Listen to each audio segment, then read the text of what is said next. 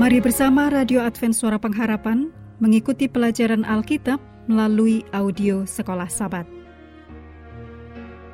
Pendengar yang dikasihi Tuhan, di momen 10 hari berdoa 2024, Anda dapat menyampaikan permohonan doa dan juga mengikuti program ini di channel AWR Indonesia.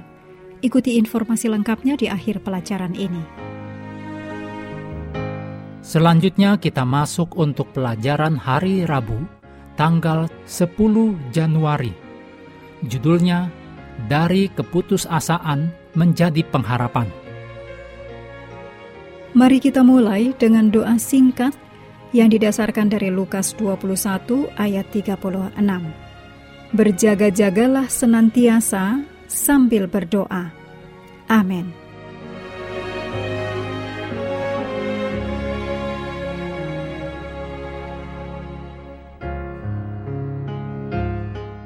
Kita semua mungkin pernah menghadapi saat-saat ketika kehadiran Tuhan tampak sangat jauh dari kita.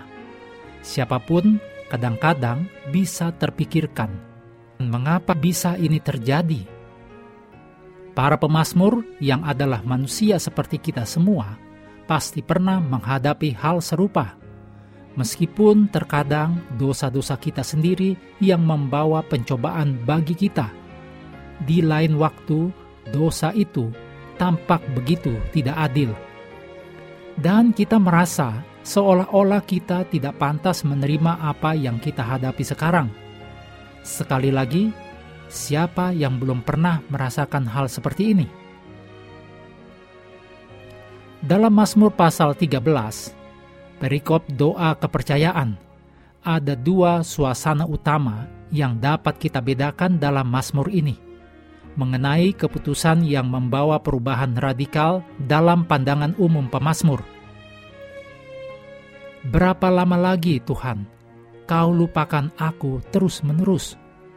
Berapa lama lagi kau sembunyikan wajahmu terhadap aku?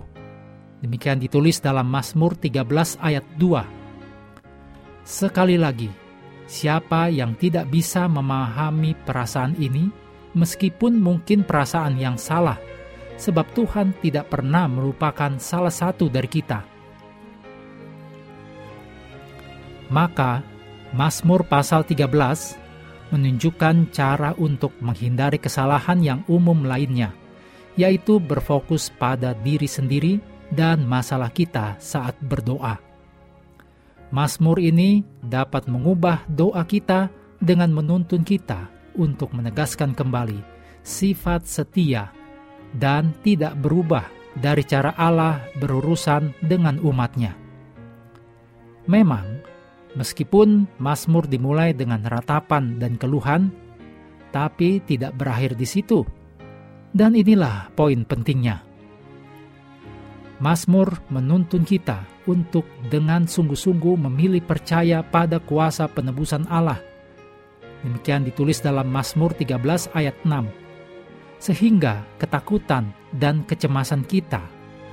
Sebagaimana ditulis dalam Mazmur 13 ayat 1 sampai 4 berangsur-angsur memberi jalan kepada keselamatan dari Tuhan dan kita mulai mengalami perubahan dari ratapan menjadi memuji dari keputusasaan menjadi pengharapan.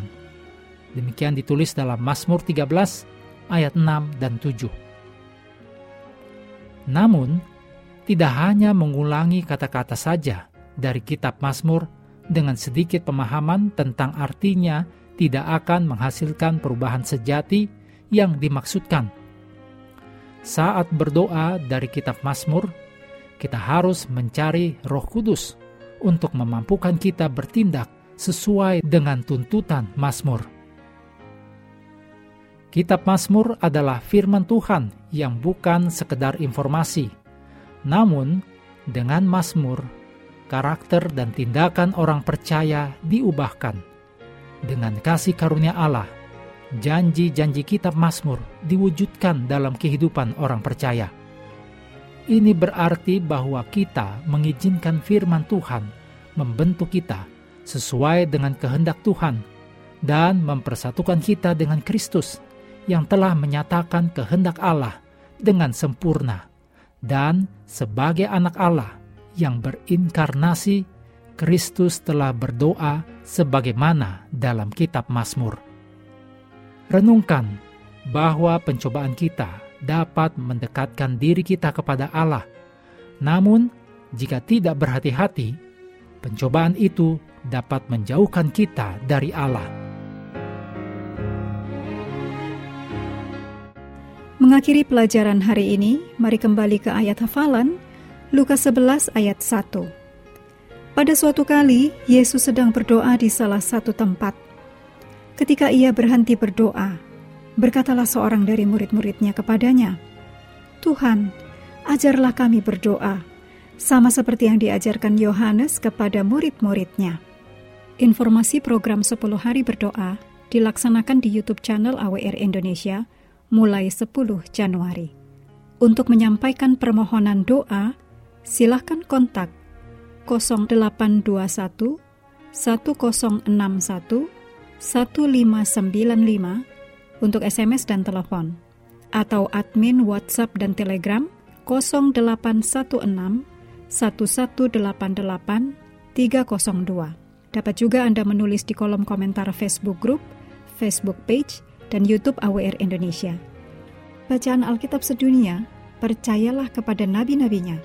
Hari ini melanjutkan dari Yesaya pasal 48.